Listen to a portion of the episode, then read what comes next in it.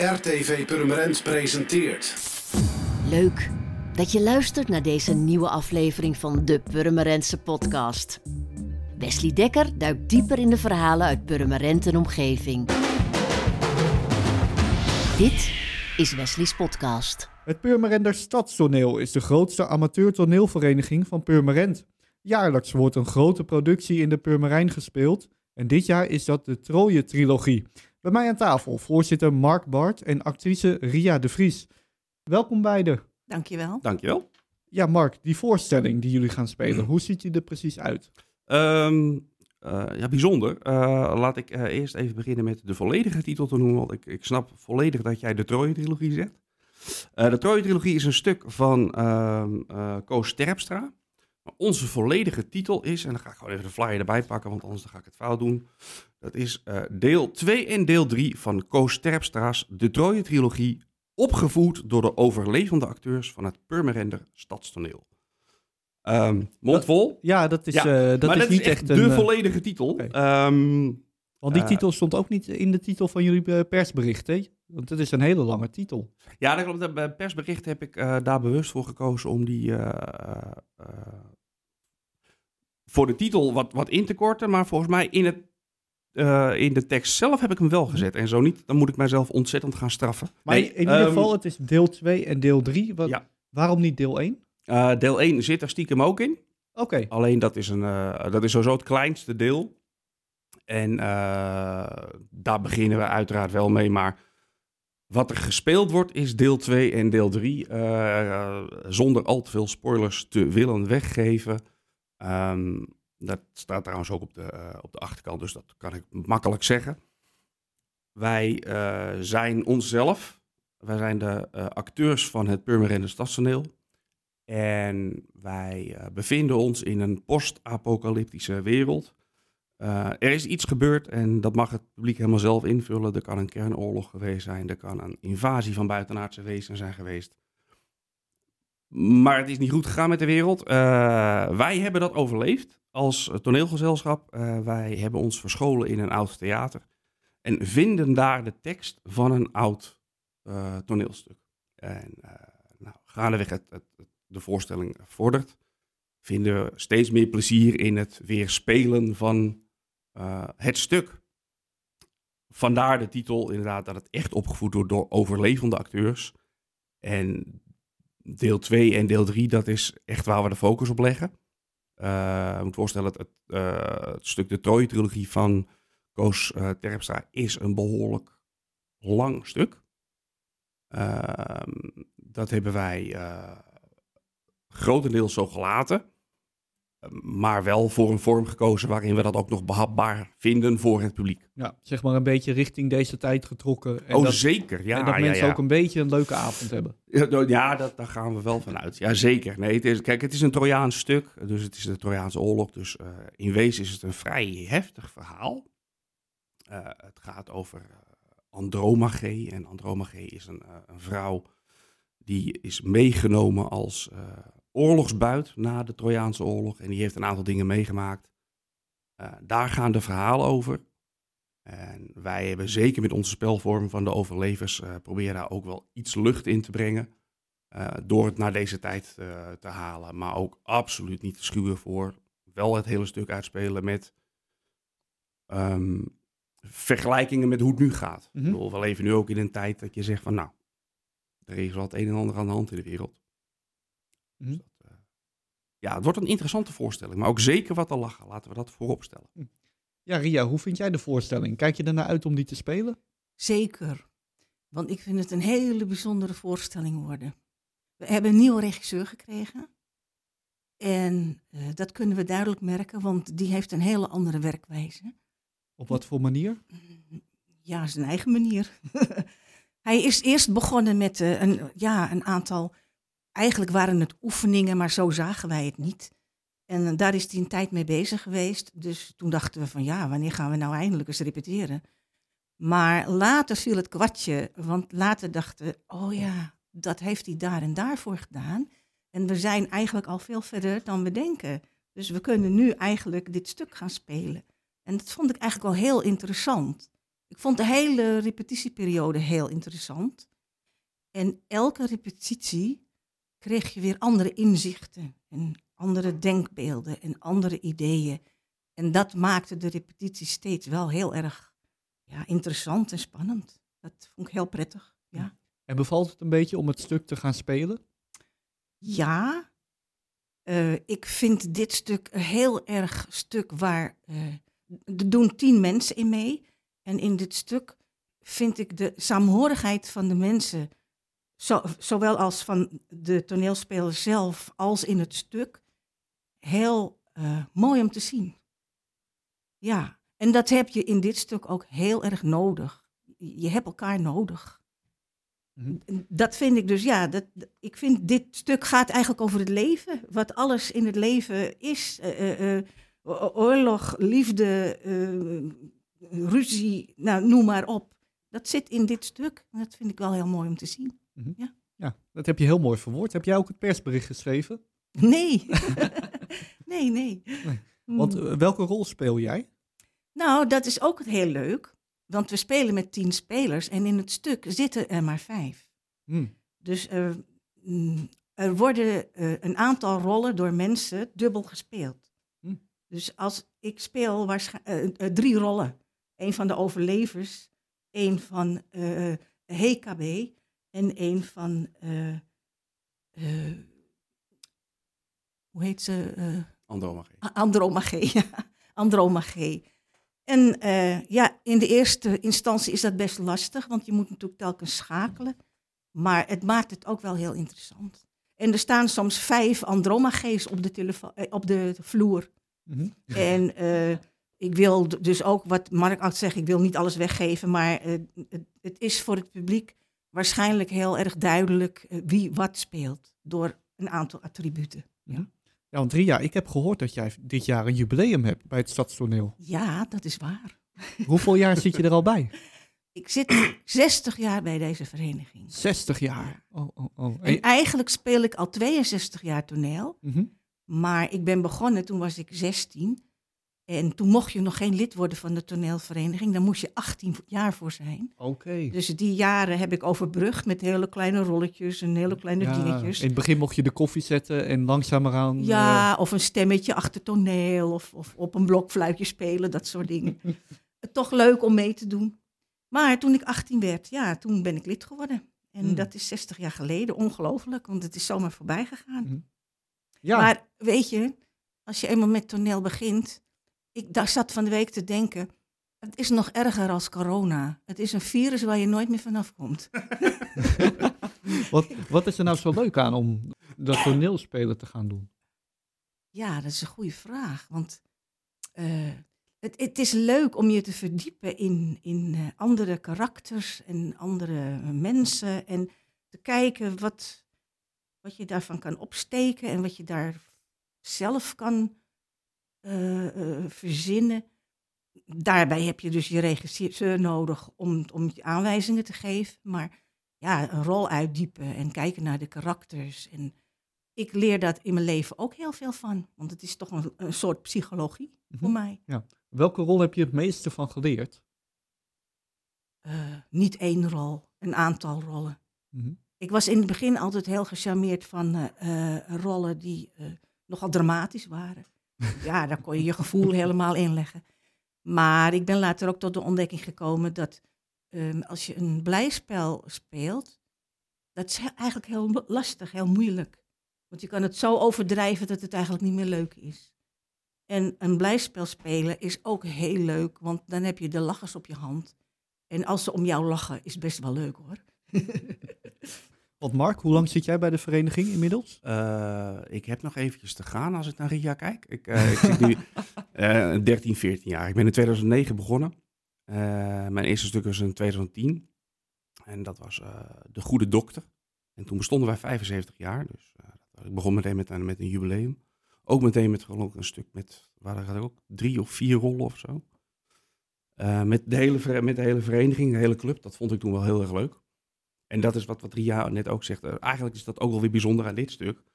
Dat dit is eigenlijk de eerste keer sinds toen, volgens mij, dat we weer met nagenoeg de hele spelersgroep bij elkaar Ja. eh, spelen.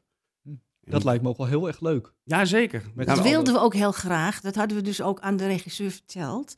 En die heeft daarna geluisterd. En dat is heel prettig. Ja. Ja. Ja, kijk, je moet je voorstellen dat, dat eh, wij wilden op de duur wat, wat, wat modernere toneelstukken gaan spelen. Kijk, de, eh, als je gaat zoeken naar een stuk met 10, 12 personen, want je hebt zoveel leden, dan vervielen wij steeds in eh oudere Ekborn-stukken, eh Ellen eh kluchten. Nou, al- allemaal prima, niks mis mee, maar op de duur hebben we dat wel gehad. En we wilden iets moderners gaan doen. Ja, en daar kom je toch op de kleinere kast terecht. Dus toen hebben we eh, stukken gespeeld met nou ja, soms vier mensen, soms zes mensen. Maar dan heb je een, eh, een ploeg die niks doet. Nou, dat wil je niet als vereniging. Eh, die is toen een ander stuk naast gaan doen. Dus we hebben jarenlang eigenlijk een soort pool gehad waarbij we twee stukken in een jaar deden. Wat heel leuk is, want dan ben je steeds bezig en je bent met een kleine ploeg bezig. En dan kan je eh, echt op elkaar ingespeeld raken. Dat is echt fantastisch. Keerzijde daarvan is dat je inderdaad ook de hele ploeg, het hele groepsgevoel, wat, wat, wat minder hebt. Ehm, en dat vind, ik wel heel, dat vind ik wel heel cool dat het inderdaad nu weer gebeurt. Dat, eh, dat je echt met z'n allen, eh, het is soms even een kippenhok bij de, rep- eh, bij de repetities nu, maar dat geeft niet. Kippenhokken zijn ook leuk. Dus Nou, dat, dan komt onze regisseur De Haan erbij. En dan Daarom, is het weer in ja, orde. eh, een wolf meer. Ja. Want jij bent altijd al bezig geweest met acteren. Ehm, als kind wel. Want toen ben ik een hele tijd gestopt. Eh, en toen, eh, ja, toen woonde ik op mezelf. Op een gegeven moment toen wilde ik dat, daar weer wat mee doen. En mijn broer die zat al bij deze vereniging. Ik woonde zelf toen nog in, Amsterdam. En eh, toen zocht ik eerst een vereniging. In Amsterdam ben ik eh, gaan kijken.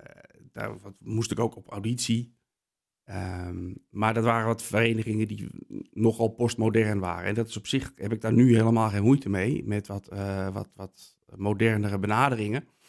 Alleen ja, moet je, moet je voorstellen dat ik de hele tijd geen ervaring had gehad. En dat ik in één keer een totaal wildvreemde vrouw, blind, door een kamer moest leiden. Allemaal van dat soort oefeningen, wat prima is, maar ik had nul ervaring. Dus dat was, eh, dat was, wel even, was wel even spannend. Dus nou, dat heel even laten varen.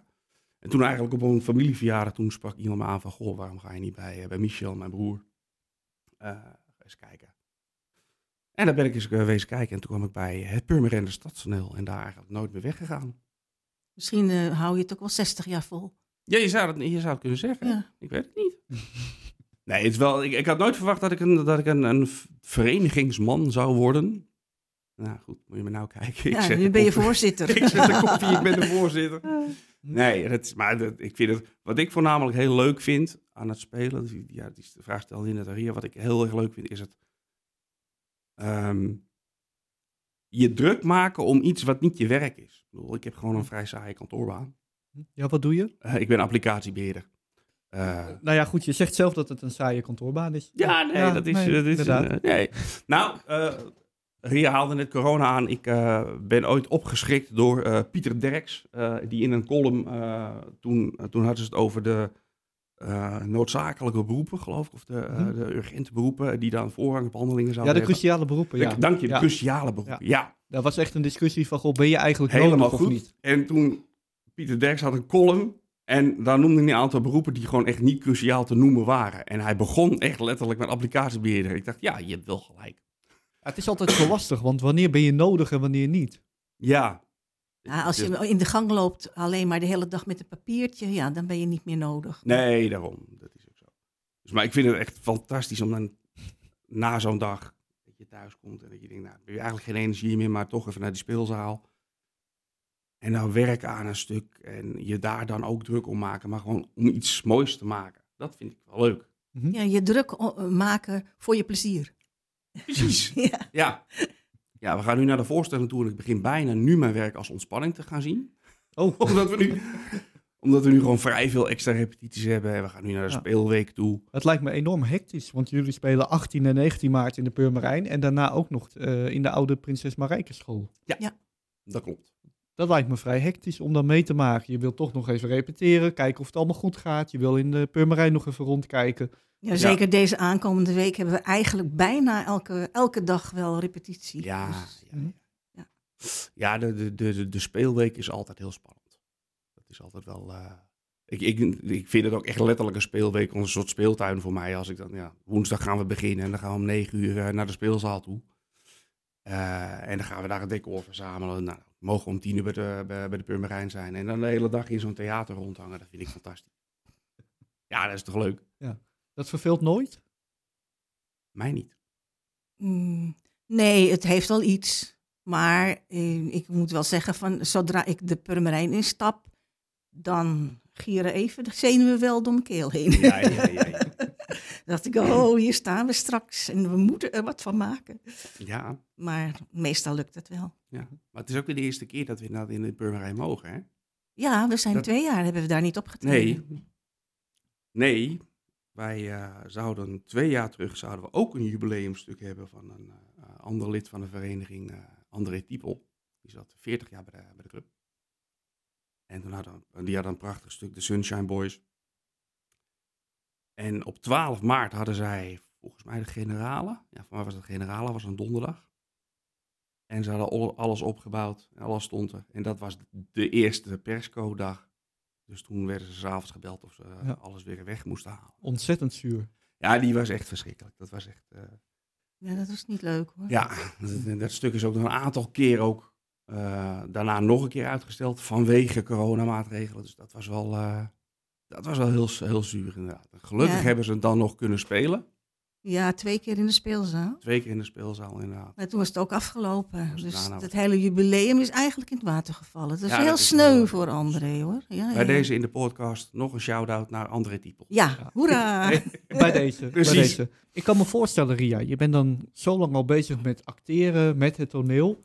En dan opeens dan is het gewoon over vanwege corona. Dat, dat lijkt me heel lastig. Ja, dat was het ook. Het was een, een periode waar je ja, alleen maar thuis zat. Vooral de eerste periode natuurlijk. Helemaal eh, geen toneel. Eh, je zag bijna niemand.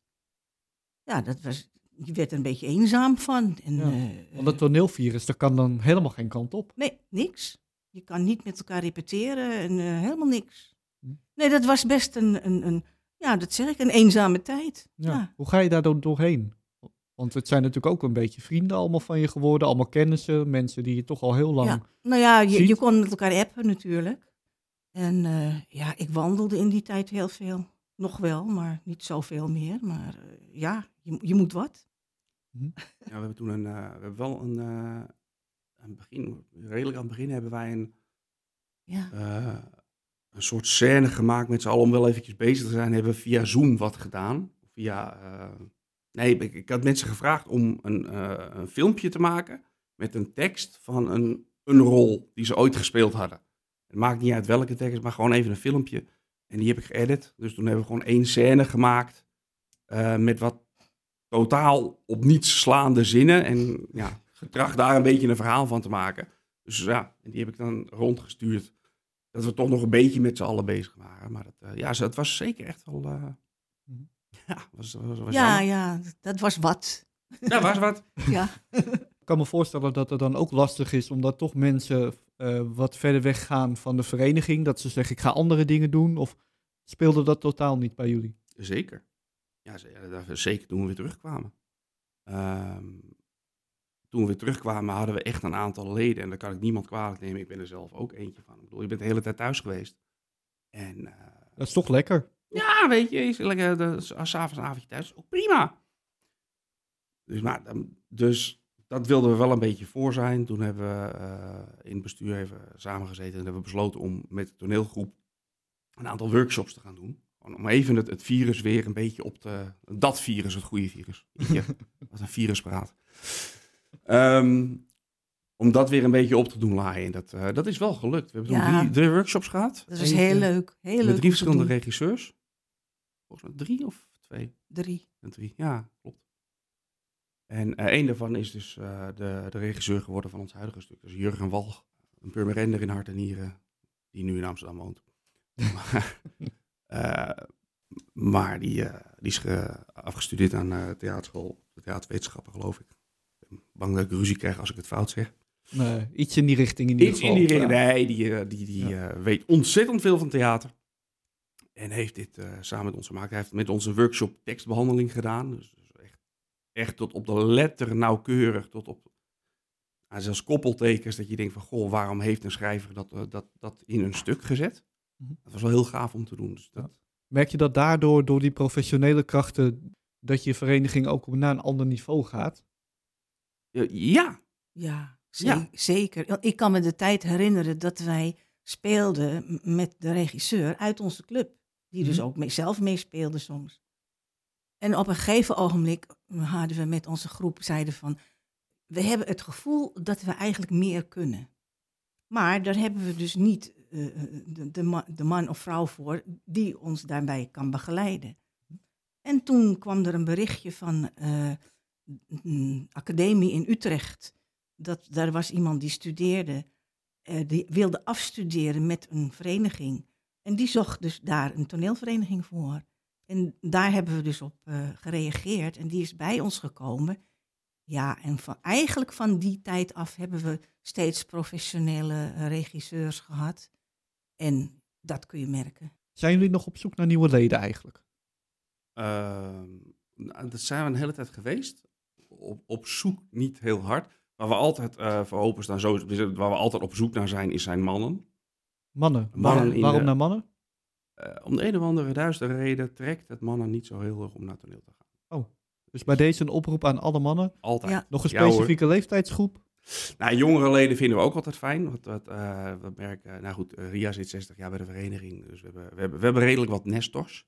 Ehm, Ik zou het niet zeggen hoor trouwens. Nee, totaal, nee. Dank je, dank je. dat heb ik net al in de keuken gezegd. Het was trouwens wel heel leuk hè, dat ik begon met toneelspelen. Ja, toen mocht ik eens een stemmetje doen en een dienstmeisje. En na verloop van tijd werd ik de, de, de, de dochter des huizes. En toen werd ik de, de vrouw des huizes. En toen opeens was ik de grootmoeder. Ja. ja. En toen dacht ik van, oké. Maar ja, maar daar zijn ook hele rollen, leuke rollen bij. Tuurlijk, dus, ja, zonder meer. Ik zit er tien jaar bij en wij hebben ook nog een keer een stomende liefdesrelatie op toneel gehad. ja, dat moet kunnen. dat moet kunnen.